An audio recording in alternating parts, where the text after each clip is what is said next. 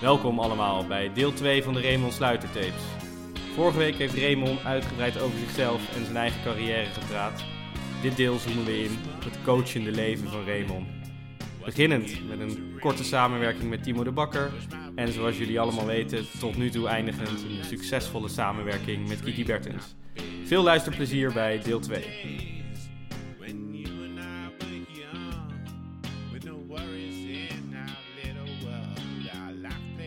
Ja, mooi. Ik denk dat dit ook een, eh, een aardig bruggetje is naar het eh, volgende onderwerp wat ik even aan wilde kaarten. Dat is Ja. eh, niet Raymond Sluiter als meer dan verdienstelijke top 50 speler, maar Raymond Sluiter als, als tenniscoach. Ja, En jouw coachingscarrière begon eigenlijk al tussen de eerste en tweede keer stoppen. Want jij Ja. bent ook nog coach geweest van Timo. ja, ja. Ik heb Timo toen, eh, ik ben toen coach geweest. Ik heb hem eh, eh, meer eigenlijk geholpen in die periode. Timo werkte toen, of was dat de tweede periode? Ik heb namelijk twee deeltjes een keer met, met Timo gewerkt. Maar dat is nooit op basis geweest eigenlijk van hoe ik het met Kiki gedaan heb. Van oké, nu ben ik gewoon twee, tweeënhalf jaar beschikbaar om hier volle bak aan te gaan werken.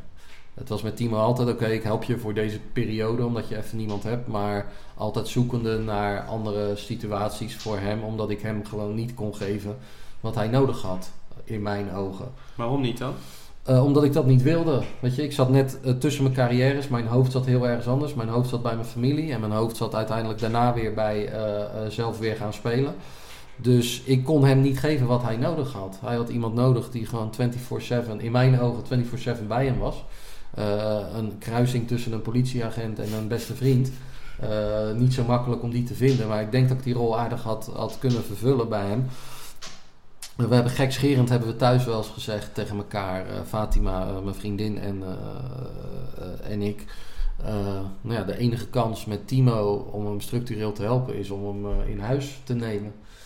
Ja. Maar daar, ja, dat wilden wij gewoon allemaal. Daar had ik ook gewoon de energie niet voor. Dus eh, ik heb toen echt prettig met hem samengewerkt.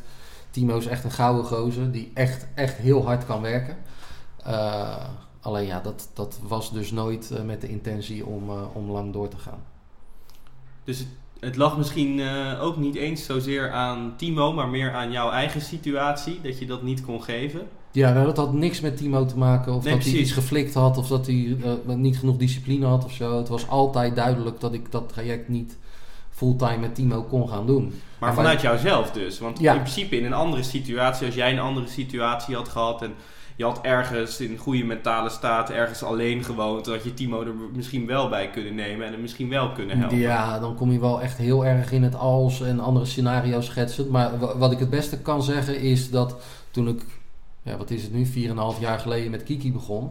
eh, als Timo met een goed plan was gekomen, dan, dan was ik met Timo gaan werken op, op, dat, op dat moment. Of met Igor Sijsling, of met eh, Richel Hogekamp. Of, eh, ik was toen echt klaar voor nou ja, iemand op een dusdanige manier kunnen helpen dacht ik, om, om die persoon ook echt verder te, te helpen. En stel, Timo kwam met dat plan, eh, vijf jaar geleden. Ja. Wat had jij met Timo kunnen bereiken, denk je? Nou ja, wat ik net tegen hem zei, weet je, we hebben, eh, tenminste de tennisliefhebbers die hem een beetje gevolgd hebben, die eh, hebben allemaal kunnen zien dat die gozer waanzinnig kan tennissen.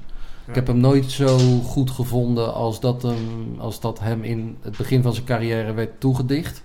Hè, Richard Krajicek heeft een paar keer gezegd top 10 eh, eh, moet haalbaar voor hem zijn.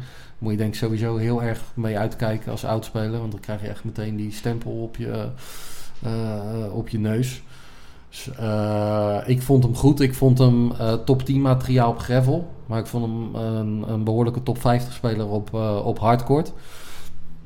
Maar wel iemand die de carrière van Robin Hazen had kunnen hebben. eh, en misschien nog wel iets, iets beter. Met meer uitschieters op, eh, op gravel.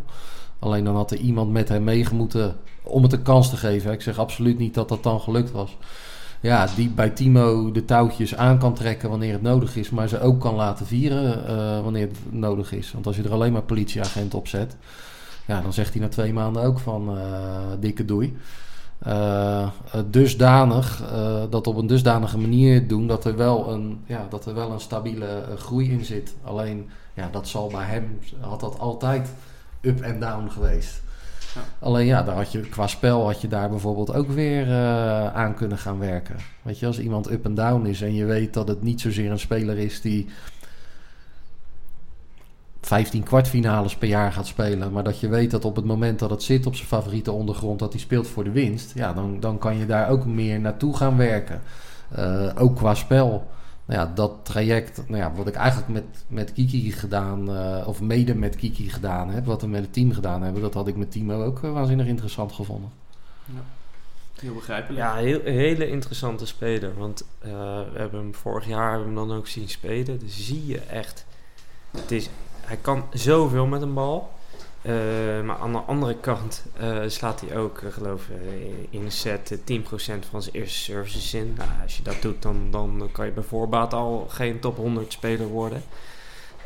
Dus ja, dat is zo. En volgens mij in, een paar jaar terug heeft hij Robin ook nog een keer gigantisch in Scheveningen op zijn kloten gegeven. Toen Robin nog gewoon top 100 stond. Dus je ziet echt die, die pieken.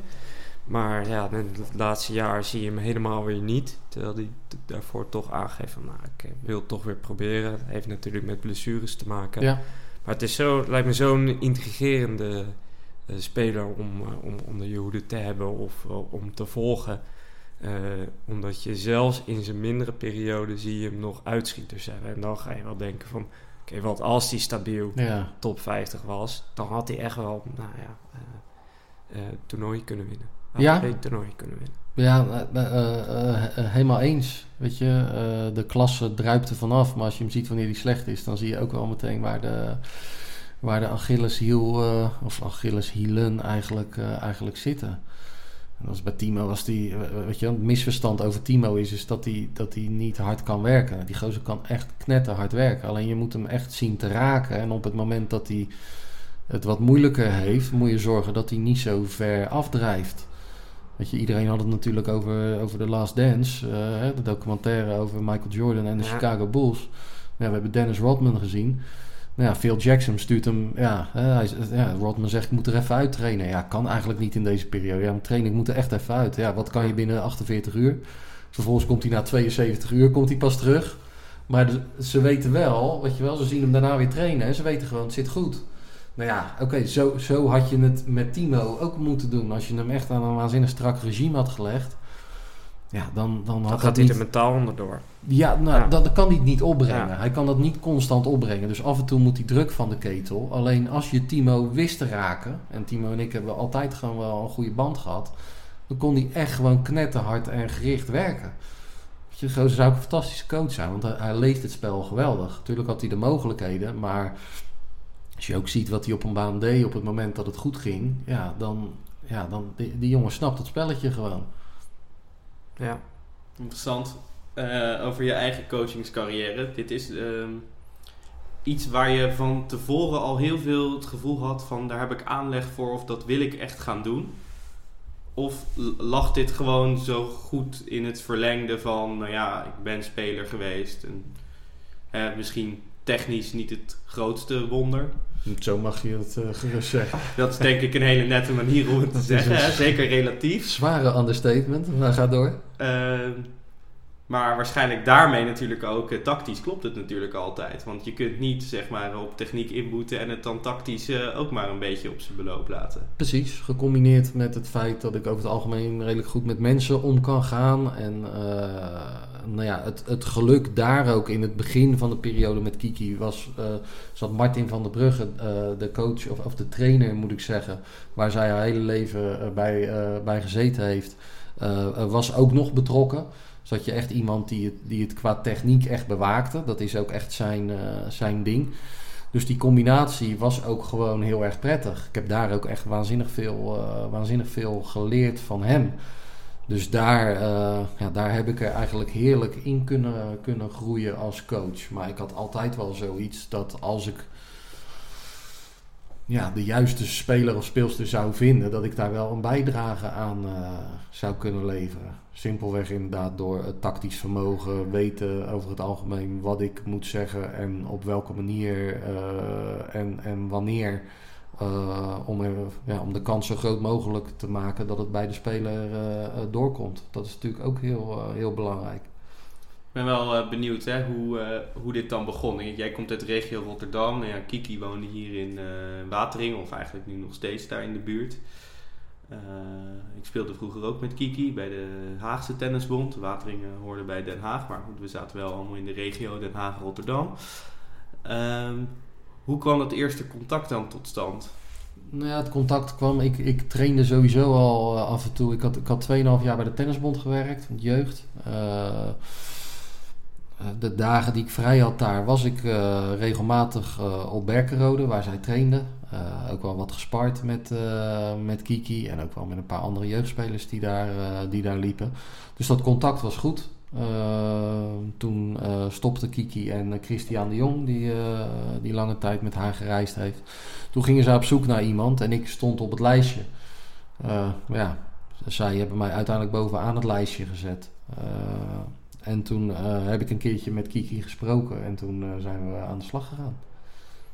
En hoe begint dat, zoiets? Want ja, je moet dan een plan maken, toch? Komt, komt Kiki met ik wil, ik wil A, B en C? Of zei jij van ik denk dat jij D, E en F nodig hebt? Nou ja, de lijn werd natuurlijk eh, voornamelijk uitgezet door Martin van der Brugge. Die was eigenlijk hoofdverantwoordelijk en ik zou traveling coach zou ik, eh, eh, zou ik worden. Dat was, dat was hoe het zat. Martin wilde dat zelf niet.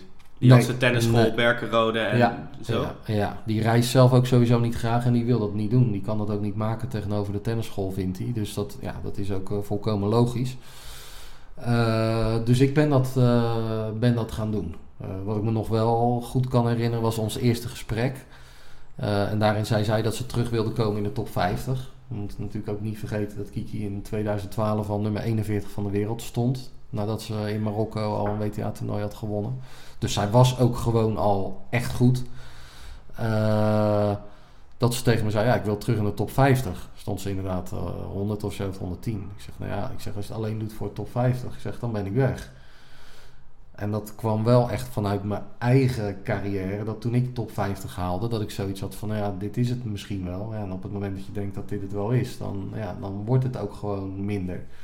En dat is wel al meteen een hele belangrijke pilaar geweest eh, om, ja, om aan haar door te geven van ja, allemaal hartstikke leuk en aardig, top 50. Zou hartstikke mooi zijn als je daar weer structureel een aantal jaar staat. Maar is uiteindelijk niet waar we, waar we het voor doen. En toen heeft ze wel aan mij gevraagd van goh, wat zie jij dan voor mij eh, erin zitten? En toen heb ik tegen haar gezegd, nou ja, eh, één of meerdere WTA-titels. een klapper op een Grand Slam. Zeg, en jij zou ook absoluut niet misstaan in top 25, mits je echt eh, waanzinnig fit wordt. Nou ja, eh, daar heb ik wel gelijk in gekregen uiteindelijk. Toen je net begon met werken, dan kijk je natuurlijk naar zo'n speelster, want je sparde al met haar, je zag het al. Als je dat terug kan halen, je zegt van ja, als je, je kan top 25 halen als je echt waanzinnig fit bent. Was dat dan ook meteen zeg maar wat jij het belangrijkste vond? Of waren er ook nog dingen in de slagen of in de tactiek? Of, dus, dus waar zag je, als ik kijk naar fitheid, techniek, tactiek, om het zo maar te noemen. En natuurlijk nog een stuk mentaal Ja. aspect erbij. Hoe, waar zag jij dan de grootste verbeterpunten als je dit zou moeten rangschikken, zeg maar? Nou ja, het grootste verbeterpunt zat sowieso in het fysiek. En het fysiek heeft natuurlijk ook echt met alles te maken. Met het, met het tactische heel erg. Want je kan wel wat verdedigend willen spelen. Maar als je de benen niet hebt, dan, ja, dan wordt, dat een, eh, wordt dat een heel lastig verhaal. Zeker ook op het moment dat je 110 staat en kwalificatie moet gaan spelen in toernooien. Moet je ook gewoon meer wedstrijden gaan spelen. Dus je moet waanzinnig fit zijn. Uh, dus fitheid was voor mij het belangrijkste. Daarom durfde ik het ook wel zo tegen haar te zeggen. Want iedereen die Kiki een beetje kent, zou ook kunnen denken van, nou ja, dat is best wel een link met haar. Omdat zij bijna alles wat je zegt toch ook wel als een bepaalde druk ervaart. Uh, maar ik had het niveau daar zo gezien bij haar, wanneer ze goed stond te raken en wanneer ze lekker in de vel zat. Ja, dat was gewoon goed. Als je daar gewoon echt een heel fit lichaam bij optelde ja, dan, dan kon je van daaruit kon je gewoon heel veel met, met haar. Dus fysiek was het allerbelangrijkste. weet nog heel goed, wij, wij zijn toen in september begonnen met werken. Ik ben slecht in jaren, maar dat moet dan 2015 denk ik gewijs zijn, september. Na de US Open. En toen, eh, ja, de, de eerste zes toernooien verloor ze geloof ik eerste ronde dat we samenwerkten. En eh, toen wilden zij nog drie of vier toernooien spelen om eh, Australië hoofdtoernooi te garanderen. Wat ik volledig begrijp, want ja, dat is het verschil tussen eerste ronde kwalificatie. Prijzengeld is, wat is het, 7 of 8000 euro. Of En- 40. ja, 50 is het Ook geloof 50, ik zelfs ja. bijna. Het, het wordt, ieder jaar wordt het, wordt het meer. Alleen zij had gewoon zeven weken voorbereiding nodig. Waarbij een fitte speler eh, als voorbereiding op het seizoen vier weken best wel genoeg is als je een basis hebt. Had zij in mijn ogen gewoon zeven, misschien wel acht weken nodig. Toen heb ik al tegen haar gezegd, ik zeg, ja, als jij nu nog drie toernooien wil gaan spelen dit jaar, zodat alles natuurlijk op zou schuiven en we een korte voorbereiding zouden hebben. Ik zeg, dan gun ik je het beste, maar dan zou je ook al op zoek moeten naar een nieuwe coach. Ik zeg, want dat ga ik gewoon niet doen. Ik zeg, ik snap het standpunt volledig. Ben ook totaal niet boos of teleurgesteld als je dat gaat doen. Ik zeg, maar ja, als je naar die top 50 wil en naar meer wil, ja, dan moet je gewoon straks termijn. in Australië moet je super fit zijn. Weet je, als je kwalificatie moet spelen in Australië, moet je gewoon klaar zijn voor 5, 6 of 7 wedstrijden in, eh, in, in, in 12, 13 dagen. De- Denk je dat veel coaches eh, dat dit durven, zo te zeggen? Want eigenlijk ben je in dienst van de speelster. De speelster eh, betaalt je. Ja. Eh, dus ja, weet je, je, je, je zet gewoon je, eigenlijk je eigen baan op het spel. Ja, ja. Als je om je heen kijkt, zie je dat dat veel coaches doen? Of, of zeggen die zoiets, ja, wat jij wil, prima, ik ga wel met je mee. Ik denk dat er uiteindelijk niet zo heel veel zijn die het, die het doen. Eh, omdat simpelweg, eh, eh, weet je, als ik een vrouw en twee kinderen thuis had zitten die volledig afhankelijk waren van mijn salaris, ja, dan ga je toch minder snel ga je het, het, het gesprek aan waarvan je weet van, goh, als wij hier zo die stap maken, dan gaat het heel goed. Maar het kan ook zijn dat het hier zo klapt en dan zit je gewoon thuis. Alleen omdat, nou ja, oké, we hebben het over financiën gehad. Ik, ik had het niet geweldig, maar wel gewoon oké. Ik ben altijd wel in de veronderstelling dat ik ergens aan de slag kan. en ik heb een vrouw thuis die gewoon heel erg goed voor zichzelf kan zorgen. En zodat wij daar in ieder geval ons niet zo zorgen over hoeven te maken. En ja, als trainer ben je in mijn ogen, ik snap het volledig. Dat je, dat je die beslissingen neemt als je afhankelijk bent. Maar eh, ik kan je tegelijkertijd dan ook niet serieus nemen als trainer. Want je hebt maar één taak en dat is die speler of speelster zo ver mogelijk brengen. En daarmee zal je, daar, je zal de confrontatie daarin af en toe aan moeten gaan. En ja, dan is het maar link dat je, dat je baantje op het spel staat. Je weet in ieder geval dat als het zo doorgaat, dat hij of zij in jouw visie in ieder geval niet verder komt. Ja, dan zou ik, eh, zou ik mezelf niet meer aan kunnen kijken in de spiegel. Nee, maar dat is denk ik wel meteen een ding wat je misschien onderscheidt ten opzichte van andere coaches. Ik hoorde, eh, ik hoorde laatst ook een, grappig verhaal van een coach, ik weet niet wie, dat was, maar die was met eh Misha Krajcek eh, aan de slag. En na twee weken zei Misha van, nou, ik ga naar Miami met mijn vriend en met mijn moeder en ik neem voor deze trip mijn coach niet mee. Dus toen had die coach ook gezegd van oké, dan moet je helemaal op zoek naar een nieuwe coach. Ja. En dat is natuurlijk wel, eh, denk ik, eh, de kern. Dat je eh, altijd een, een, een, ja, hoe moet ik dat zeggen, een, een, een onafhankelijke mening moet hebben ten opzichte van de speelster. Want als je alleen maar, nou ja, u vraagt, wij draait, doet, dat dat niet goed werkt. Ja, en dat je vasthoudt aan je visie. En natuurlijk, weet je, eh, gaat het om de speler. Dus je, je ja, laat ik voor mezelf spreken. eh, ik wil steeds meer dat dat dichter bij elkaar komt en dat de speler er zelf over na gaat denken. Dat is ook eigenlijk het traject met, met Kiki geweest. Eh, dat op het moment dat zij stopte met Martin van der Brugge, dat, nou ja, dat ik eigenlijk alles overnam en bepaalde wat er, wat er gebeurde. Omdat zij daar zelf nog niet klaar voor was. Uh, maar wel altijd met het idee en haar uh, meenemen in iedere uh, beslissing. Zodat ze uiteindelijk ja, de beslissingen zelf kon maken die het beste voor haar, voor haar zijn. Ja. Ja, ja, dat is denk ik ook wel een beetje de kern van, van coachen in het algemeen. Ja. Nou ja, dat zou het inderdaad, dat zou het wel moeten ja. zijn. Je, je moet jezelf eigenlijk binnen wat de speler of speelster aan kan, zo snel mogelijk uit je baan willen coachen. Wat natuurlijk heel onnatuurlijk is. Ja. Ja, nee, dat is ook niet voor niks. Ik heb na drie, drieënhalf jaar tegen Kiki ook altijd gezegd, ook om haar zelfvertrouwen te sterken. Maar ja, je kan het gewoon zonder mij. Je hebt mij echt niet nodig.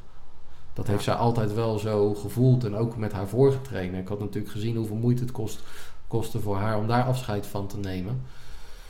Ja, dat wil je sterken. Je wil dat iemand het, eh, het, het zelf kan. Weet je, en dat is natuurlijk, daar, daar, zitten, daar, daar haken best wel veel dingen in elkaar. Want iedereen wil ook wel nodig gevonden worden. Weet je, ik Ja. wilde dat op bepaalde momenten wilde ik dat ook wel. Maar zoals je het net goed zei, dat, dat moet echt de kern zijn van, van coaching. Is dat, dat de persoon eh, het uiteindelijk eh, zelf kan.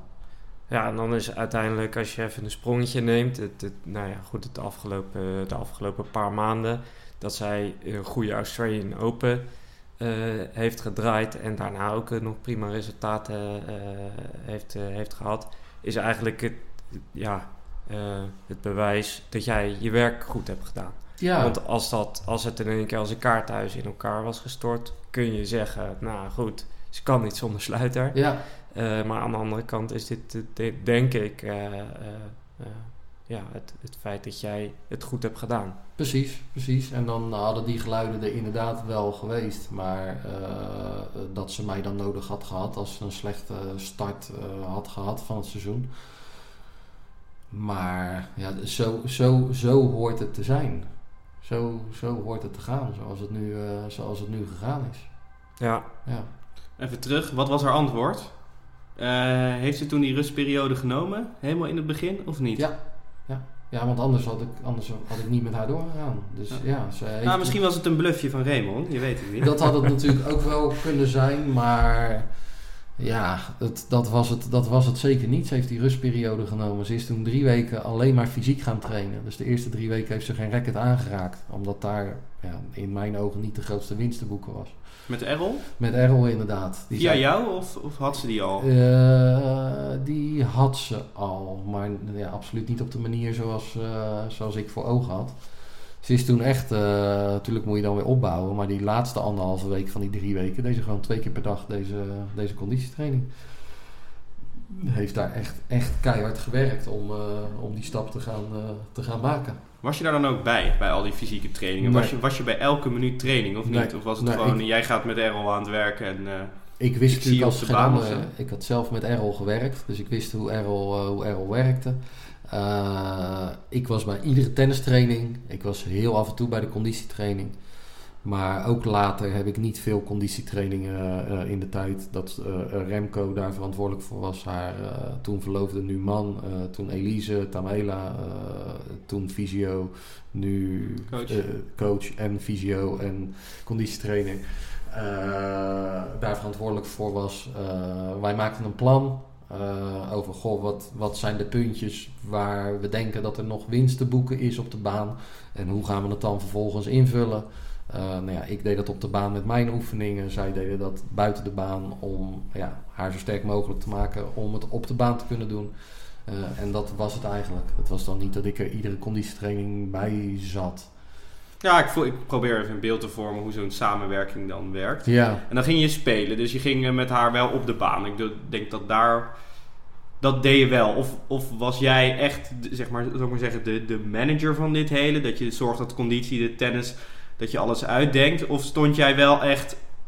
Vorig jaar op Rosmalen zag ik je ook echt gewoon met een tonnetje op de baan staan. Of Ja. was dat dan meer voor de show, voor het publiek? Dat jij daar mannetjes aan staat te slaan? Nee, nee, dat was niet voor de show. Ik ben natuurlijk gewoon, eh, of was gewoon trainer-coach.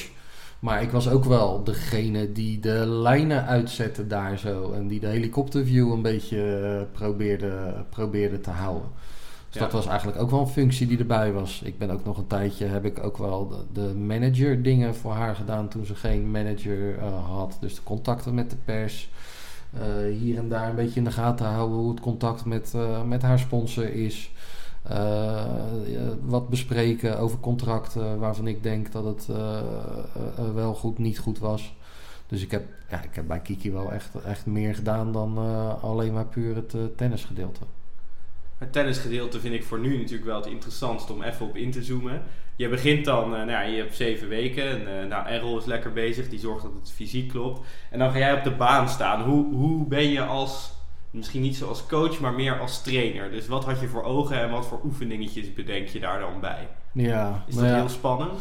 Nee, is absoluut niet, eh, niet heel spannend. Eh, iedereen denkt dat dat heel, die dat denkt dat dat heel moeilijk is. Dat, ja, die komt dan bedrogen uit. Want het is. Nou ja, laat ik een voorbeeld geven. Als, eh, wij hadden het net off-topic, hadden we het voor de podcast even over Marbella, waar Djokovic regelmatig traint. Nou ja, wat staat die gozer de hele dag te doen? Twee ballen cross, eentje rechtdoor. Oké, dan veranderen we hem nog even. Drie ballen cross, eentje rechtdoor. Weet je, ja, ja, maar het is dus gewoon echt zo. Weet je, en op het moment dat de tegenstander het niet meer aan kan lopen, doet hij dezelfde oefening, maar dan twee tegen één. Weet je, dan staan er ineens twee aan de overkant. Maar dat is dus echt de stof. Weet je, op het moment dat Kiki eh aanvallende wil gaan spelen, ja, dan ga je dus echt iedere dag.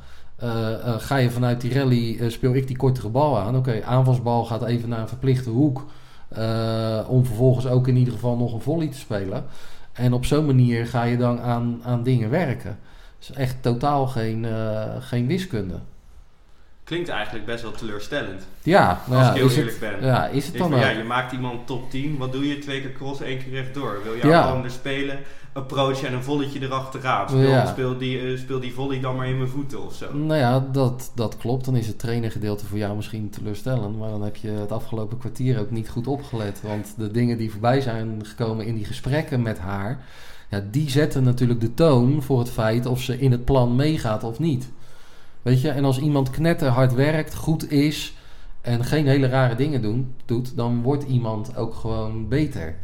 Kiki's basis moest gewoon beter worden. Ook nog wel qua slagen. Het zat technisch wel goed, maar het moest, het moest er vaster in zitten. Zij moest ervan uit kunnen gaan dat ze gewoon drie minuten, drie keer cross, één keer rechtdoor kon doen. Want op het moment ze dat op de training kon, ja, dan kon ze dat waarschijnlijk in een wedstrijd kon dat ook. Eh, eerst is het een goede basis vormen. Ja, later zijn wij met Kiki eh, zijn we veel meer gaan doen. Weet je, Kiki kon ook ineens vanuit verdediging een vooreentje slice spelen. Ja, dat had ik ook wel al eh, aan het begin van onze samenwerking kunnen doen.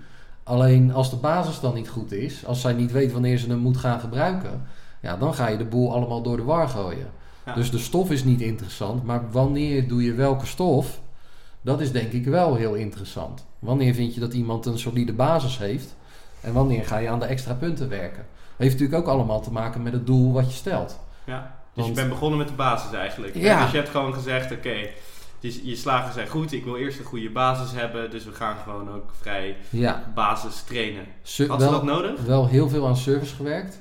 Eh, dat wel. Wij zijn iedere dag eh, een half uur tot drie kwartier gaan, gaan serveren. Eh, en, en dat is veel. Spelers hebben toch vaak de neiging, dat zal je misschien zelf ook wel her- herkennen. Ik heb het in ieder geval zelf. Nou, gaan potjes tot de 11 spelen. En, Ja, ik sla er onwijs op aan. Omdat Ja. natuurlijk precies is waarvan ik denk, ja, shit, weet je. Relatief zijn mijn slagen goed en mijn service niet. ja, Moet ik dan niet meer gaan serveren? Maar ja, ga maar weer staan met die ton. Inderdaad, Ja. want als, eh, als ik met Jord sta, dan is het even inspelen en dan is het potjes tot de 11. ja. Want dat is lekker Ja. onderhands. Ja, oké, maar dat heeft dus ook te maken met het doel wat je stelt. Weet je, wel, als je gewoon lekker wil trainen en iets beter daarin wil worden, dan is het potje tot de 11 prima. Maar als jij zegt van ja, ik wil nog een keer, eh, wat is het, NK spelen of zo. Ja, dan zal je, tenminste zou ik je in ieder geval aanraden om eh, eh, 10 minuten in te spelen iedere keer dat jullie op de baan gaan. Maar vervolgens iedere vorm alleen maar vanuit service en return te doen. Eh, en dat is uiteindelijk, nou ja, met Kiki, wat ik net al zei, we, we eh, hebben in het begin wel heel veel service getraind. Na twee jaar eigenlijk, toen we ook nog wel op een breakpoint zaten om, eh, om te stoppen of, eh, of niet.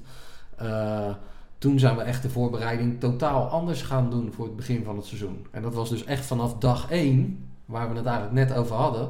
Na een kwartier wordt iedere vorm wordt vanuit service en vanuit return. Super interessant. Ik wil nog even iets meer over die service hebben. Ja. ik hoop dat ik er zelf nog wat uit kan halen.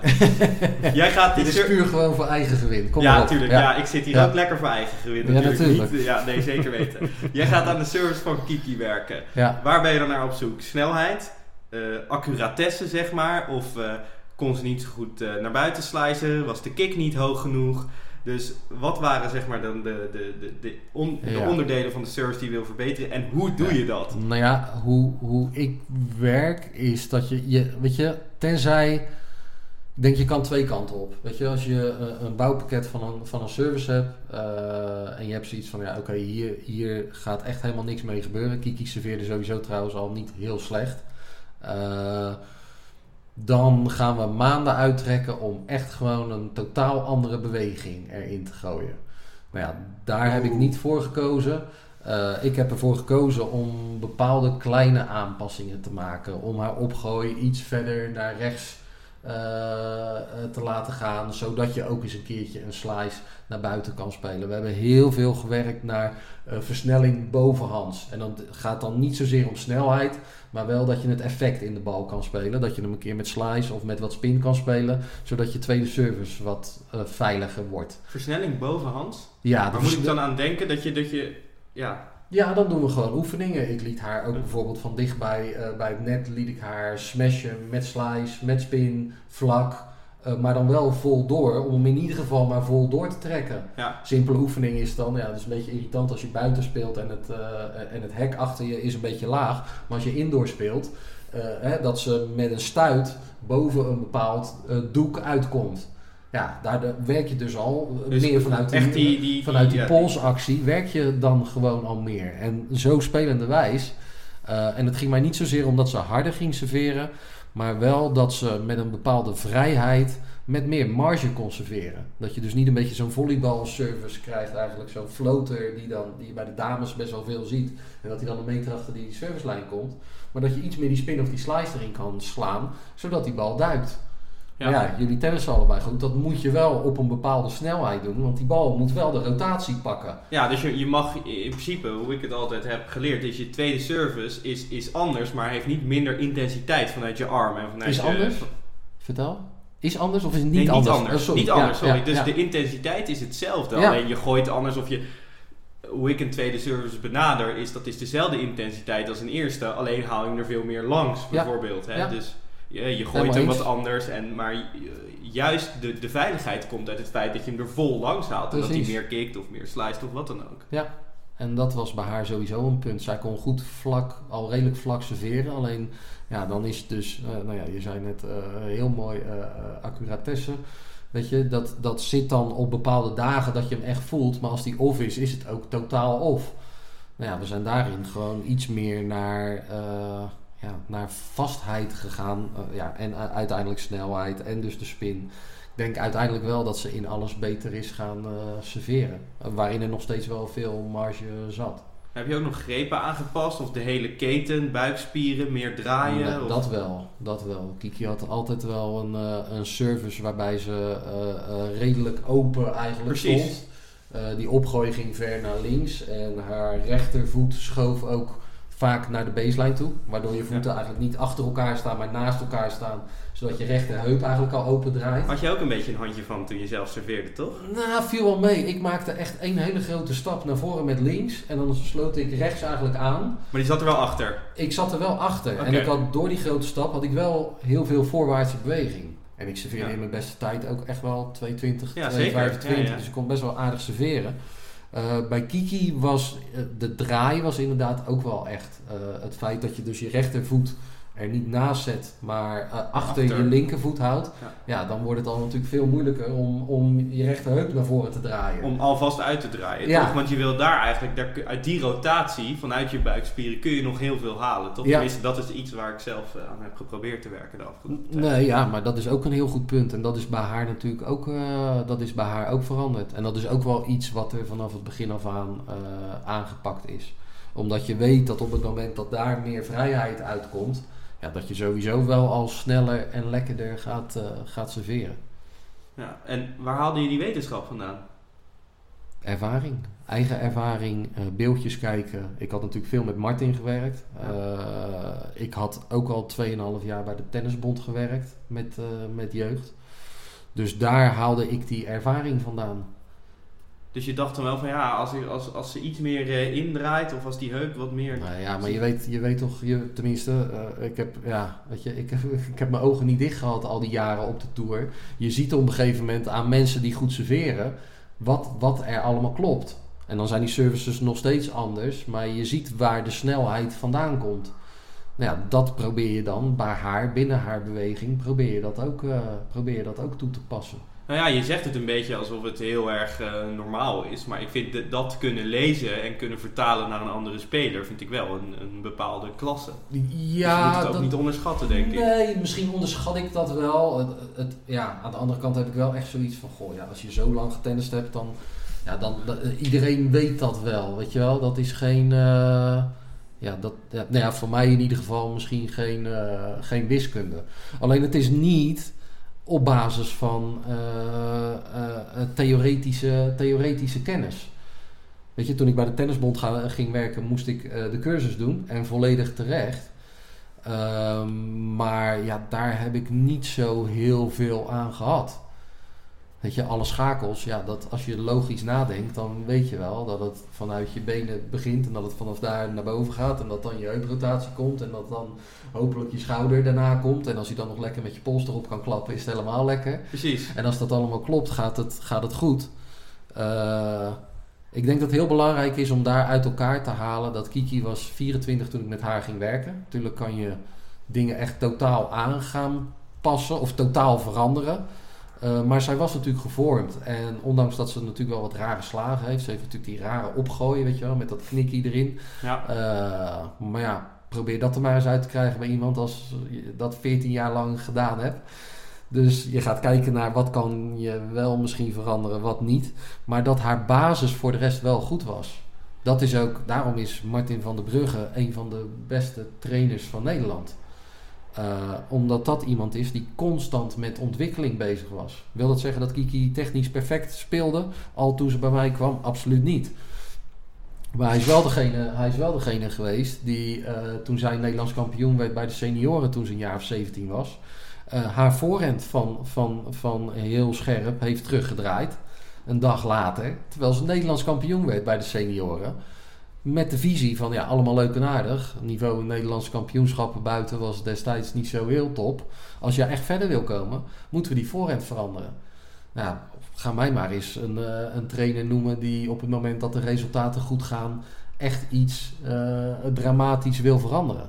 Weet je, daar heb ik het geluk gehad met Kiki dat ik instapte op een moment dat er was nog genoeg aan te werken. Maar het, het, het, het, was wel mogelijk om eraan te werken. Het was niet dat ik dingen gigantisch moest veranderen. Nou, interessant. Hey, en eh, op, op tactisch vlak, eh, s- bijvoorbeeld tussen wedstrijden door, hoe, eh, hoe ging dat? Wat, wat deed je dan? Stel, Kiki speelde vandaag, heeft gewonnen en je weet morgen staat Simone Halep is de tegenstander. Ja. Hoe ging jij dan eh, te werk? Kun je dat eens beschrijven? Hoe, ik, hoe ik gewoon puur te werk ging. Ja, door bijvoorbeeld, eh, je, je weet, oké, Halep, ga je dan eh, die wedstrijd van haar terugkijken? Ga je samen met Kiek kijken naar een vorige wedstrijd? Eh, ga je, ja, weet Ik je... moet even lachen, want dat was precies wat Kiki niet, niet wilde. Die wilde onder geen beding wilde die video kijken. Dus die optie was er, eh, was er niet voor mij. Eh, maar ik ging wedstrijden van haar terugkijken. Ik ging de laatste wedstrijd van Halep kijken. Daar hoef je op zich niet zoveel aan te hebben. Omdat ja, als Halep de vorige ronde tegen Kvitova speelt... dan ja, speelt ze tegen een lefty. Zijn al je patronen totaal anders dan dat je tegen Kiki speelt.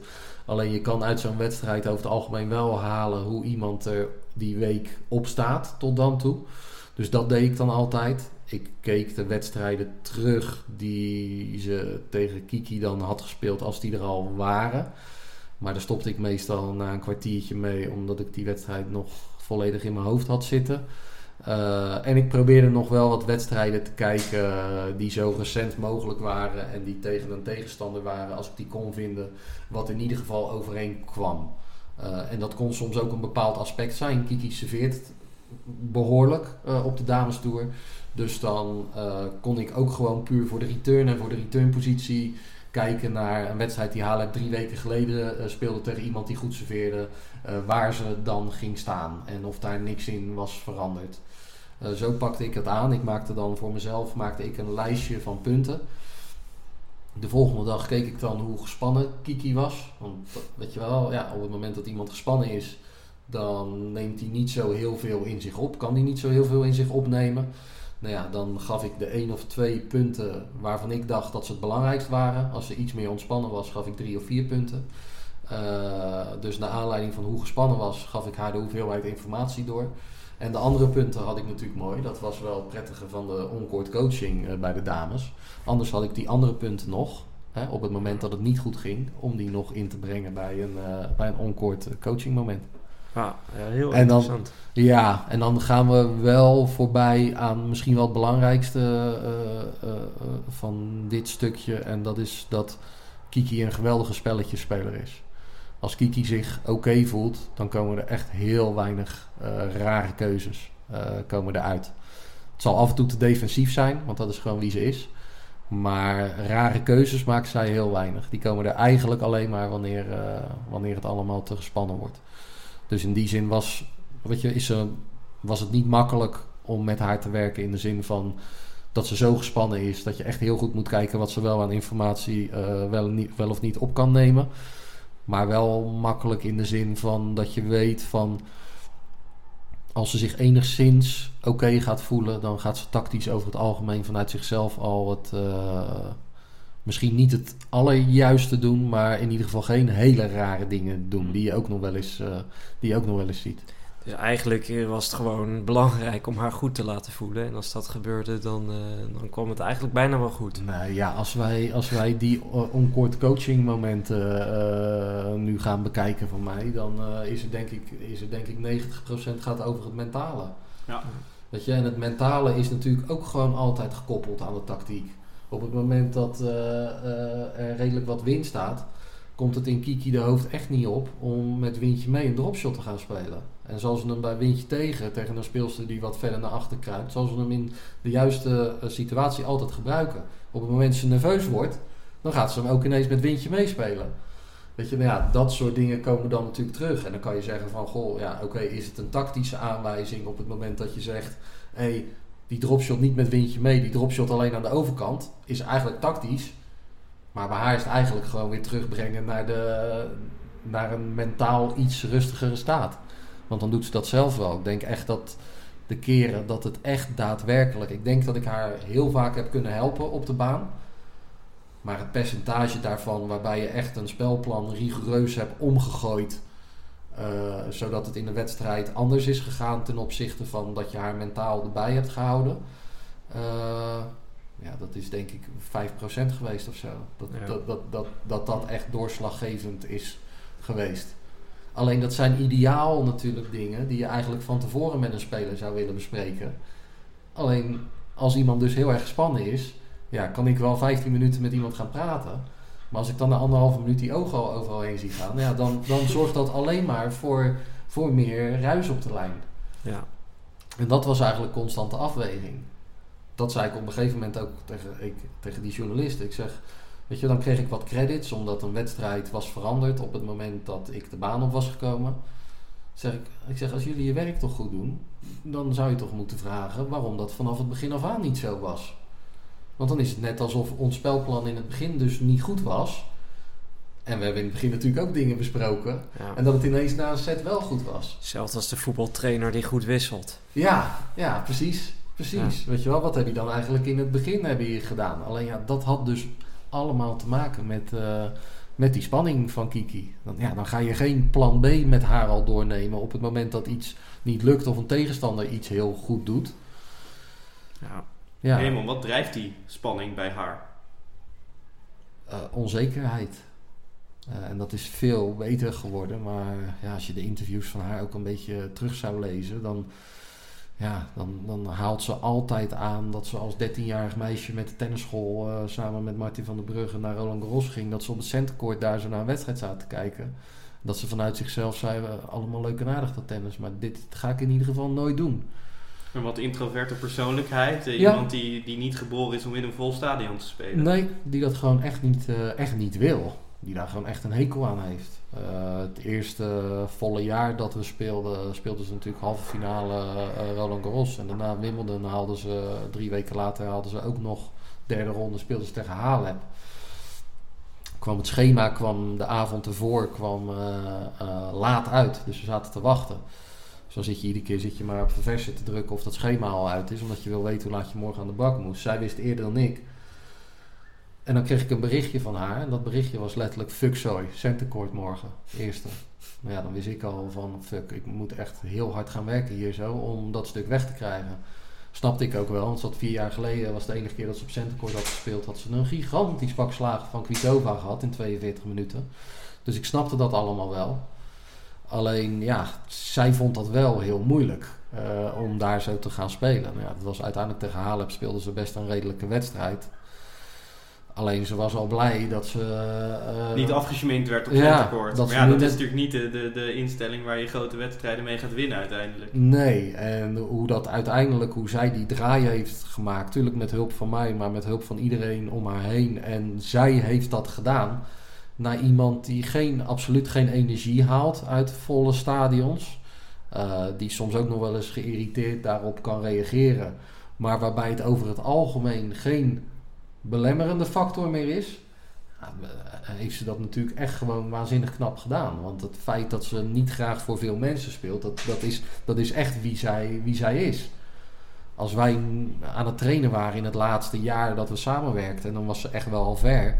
Ja, dan vond ze het verschrikkelijk. Want uiteindelijk komen mensen natuurlijk ook een beetje kijken hoe je traint als je top 10 staat. Ja, kijk, wel. Rosmalen vorig jaar, weet je. Ja. Stond je echt op een baantje, echt daar zo achteraf. Ja. Niet die allerachterste banen, maar daar stond je, jij met Elise en, eh en Kiek dan. En die hele tribune staat vol, omdat mensen dat gewoon willen zien. Ja, en brengt allemaal weer interessante dynamieken met zich mee. Want op het moment dat ik denk van... Dit is, dit is echt even niet goed. Ik moet hier hard, hard op gaan treden. Dan staan er nu ineens, staan er, weet ik veel, 250 mensen stonden er daar zo misschien te kijken. eh, eh, die ook nog cameraatjes hebben. Eh, wat is je afweging dan? Laat je het moment waarop jij denkt dat het goed is om daar even wat te doen, gaan. Doe je het straks, maar is dan voor je gevoel het moment een beetje weg. Dat zijn allemaal factoren die er dan op een gegeven moment ook bij komen. En dat is natuurlijk wel mega interessant. Dat ja, was je ook ook wel... niet de coach zijn die alles inslikt omdat er een paar mensen staan. Dan denk je ook van, ja, Nee, eh, oké, maar ik geef wel aanwijzingen en ik kan nog wel kritisch zijn. Maar ga je ook het bottebelgesprek aan als je weet dat haar houding eh, eh, aflopende is in die dagen. en je weet dat die houding moet veranderen. Ik weet gewoon dat als ik, met, als ik echt met de bottebel erin ga, dan weet ik dat we bonje krijgen. Maar ik weet wel dat ik de komende drie weken dan. De dag daarna zal het allemaal nog een beetje moeizaam zijn. Maar de, de komende drie weken hoef ik er dan niet mee te dealen. Ja. Alleen ja, als er de volgende dag een wedstrijd is, dan wordt het lastig. En ik denk dat dat heel belangrijk is eh, in coaching. En ik denk dat ik in die afwegingen best wel goed ben. Ik heb ook een aantal keren heb ik Kiki tijdens de onkort coaching aangesproken over haar houding op de baan. Maar dan wist ik dat die wedstrijd eigenlijk klaar was. precies. Want dat heeft op dat moment gaat dat natuurlijk nooit helpen. Gaat niet iemand in dat, op dat moment denken, oh, ik moet even mijn houding aanpassen. Bij haar niet. te ver. Bij haar niet. Weet je wel, als je van tevoren, natuurlijk hebben we daar afspraken over gemaakt. Alleen dat zit zo diep bij haar dat zij dat moeilijk vindt. Eh, maar ik weet dan wel gewoon, oké, vandaag gaat ze dan waarschijnlijk niet redden, deze wedstrijd. Hebben natuurlijk ook al de afweging gemaakt dat als ze gewoon zo doorgaat zoals ze doorging, dat ze de wedstrijd waarschijnlijk ook niet gaat winnen. Maar ik weet in ieder geval dat het dan de komende weken wel beter gaat zijn. Eh, alleen om dusdanig te coachen dat de kans kleiner wordt om een wedstrijd te winnen. Dat is natuurlijk best wel moeilijk. Dan moet je best wel heel zeker zijn van het feit dat, je, hè, dat het daarna in ieder geval eh, eh, beter gaat. Ja. En dat, zijn voor mij de, dat waren voor mij de interessantste eh, zaken eigenlijk. Ja, kan ik me heel goed voorstellen. Ja. Hey, en nu is Kiki natuurlijk met Elise doorgegaan. Wat gaat Elise kunnen brengen wat jij niet bracht? Poeh, eh goede vraag. Eh, volgens mij heeft Elise zelf in, aan, in eh, wat interviews aangegeven dat er niet veel gaat veranderen.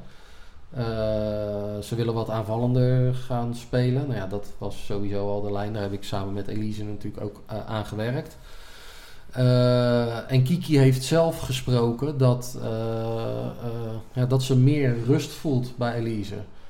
Eh, en dat snap ik wel, want als je ook, nou, we hebben het eigenlijk nu net het laatste half uur over gehoord. Ja, op het moment dat ik iets niet goed vind gaan, dan ga je het van mij ga je het wel horen. Ik zeg niet dat je het van Elise niet hoort. Maar ja, weet je, we hadden het net over een goede seizoenstart. Als ik daar dan toch een kanttekening bij mag zetten. Ik vind haar houding op de baan vind ik, vind ik er niet beter op geworden. Heeft ze ook eigenlijk zelf wel gezegd, hè, dat bepaalde dingen bij haar eruit moeten. Mm, ja, dat, dat geloof ik wel. Maar ik, ja, ik, ik heb het gevoel eh, dat er minder op houding eh gecoacht wordt. Dat het eigenlijk een beetje gelaten wordt. En dat is ook een keuze. Ja, dat is een keuze. Ja. Ik denk dat dit natuurlijk ook een beetje de, laat ik het zeggen, de samenvatting van de coachwissel. Van, oh, Kiki staat nu op een hele goede positie. En kies misschien op dit moment, omdat het ook kan, Ja. voor een wat comfortabelere rit de komende jaren.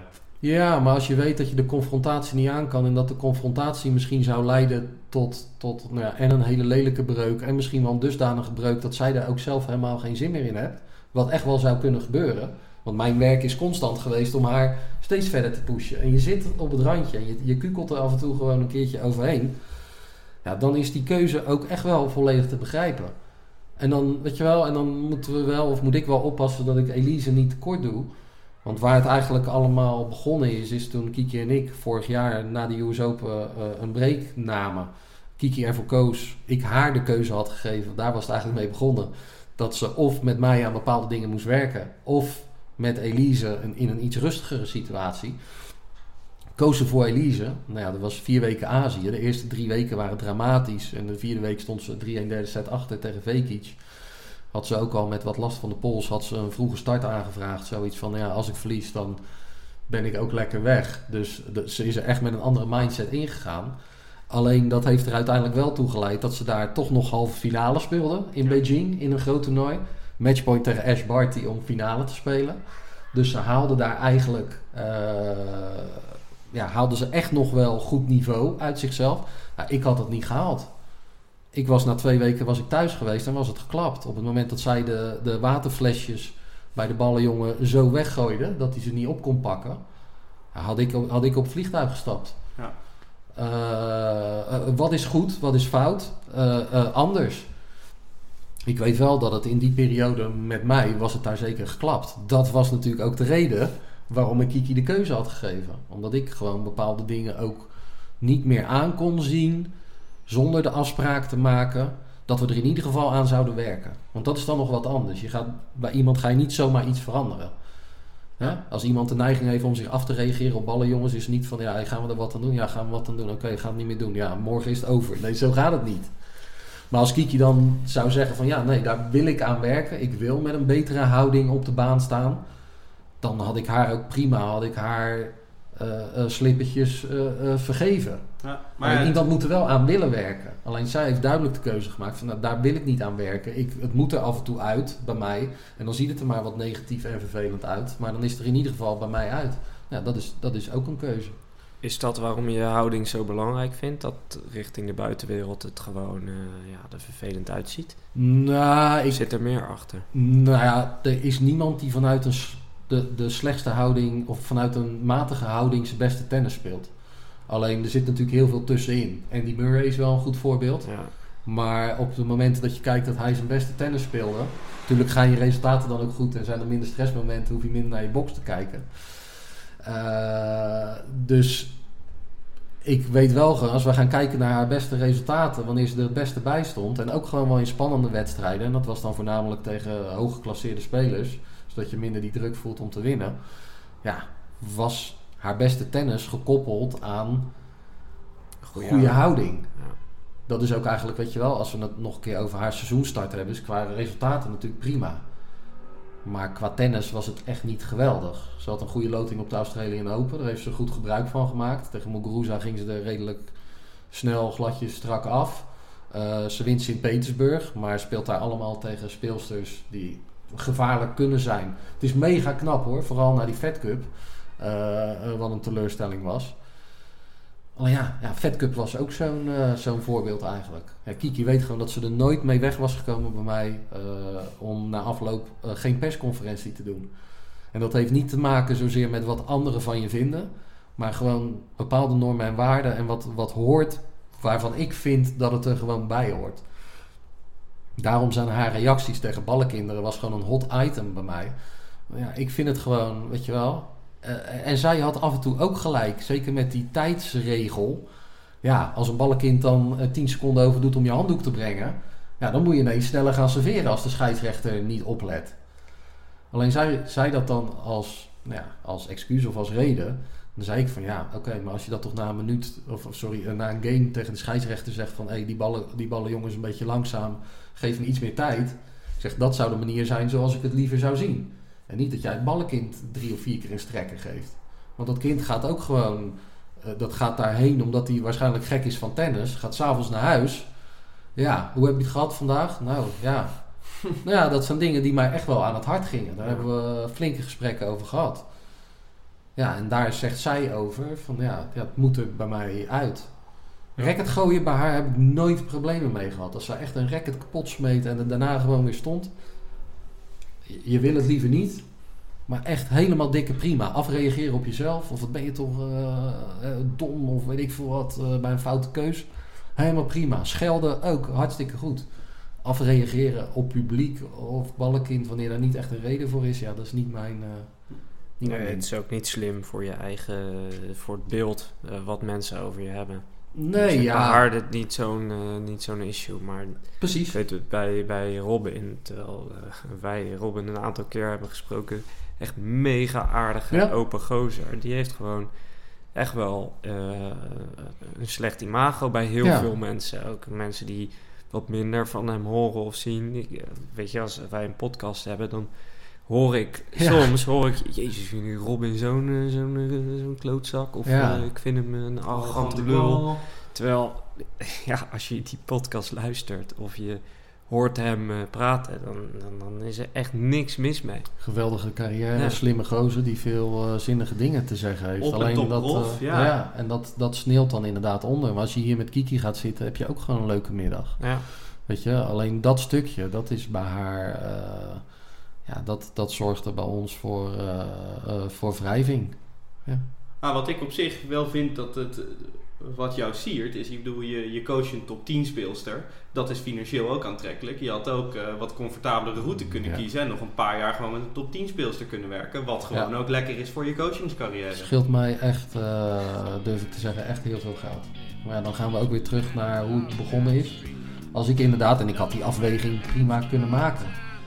Weet je, eh, Kiki tennis waarschijnlijk, nou we niet hoe het met corona gaat lopen. Maar ja, ze heeft altijd aangegeven dat ze niet tot haar 35ste wil spelen. Dus die tennis nog twee of drie jaar. Nou ja, als ik, als ik, mijn, als ik me had neergelegd bij het feit dat ik met een aantal dingen, eh, dat, dat, ik, dat ik daar niet mee aan de slag kon. En dat ik het gevoel had dat ze daar dus niet beter van kon worden, maar dat ze wel nog twee jaar top 20 had gestaan. Ja, dan had ik voor kunnen tekenen. Had ik, eh, ben ik nog steeds 30, 35 weken per jaar weg, wat gewoon zwaar is. Maar dan is de vergoeding echt, eh, eh, echt geweldig, weet je wel. Maar nee, kansloos. Echt. Ja, dat vind ik toch, toch wel knap. En dat, dat brengt me denk ik ook op het eh, laatste onderwerp als we nu eh, ja, verder gaan kijken.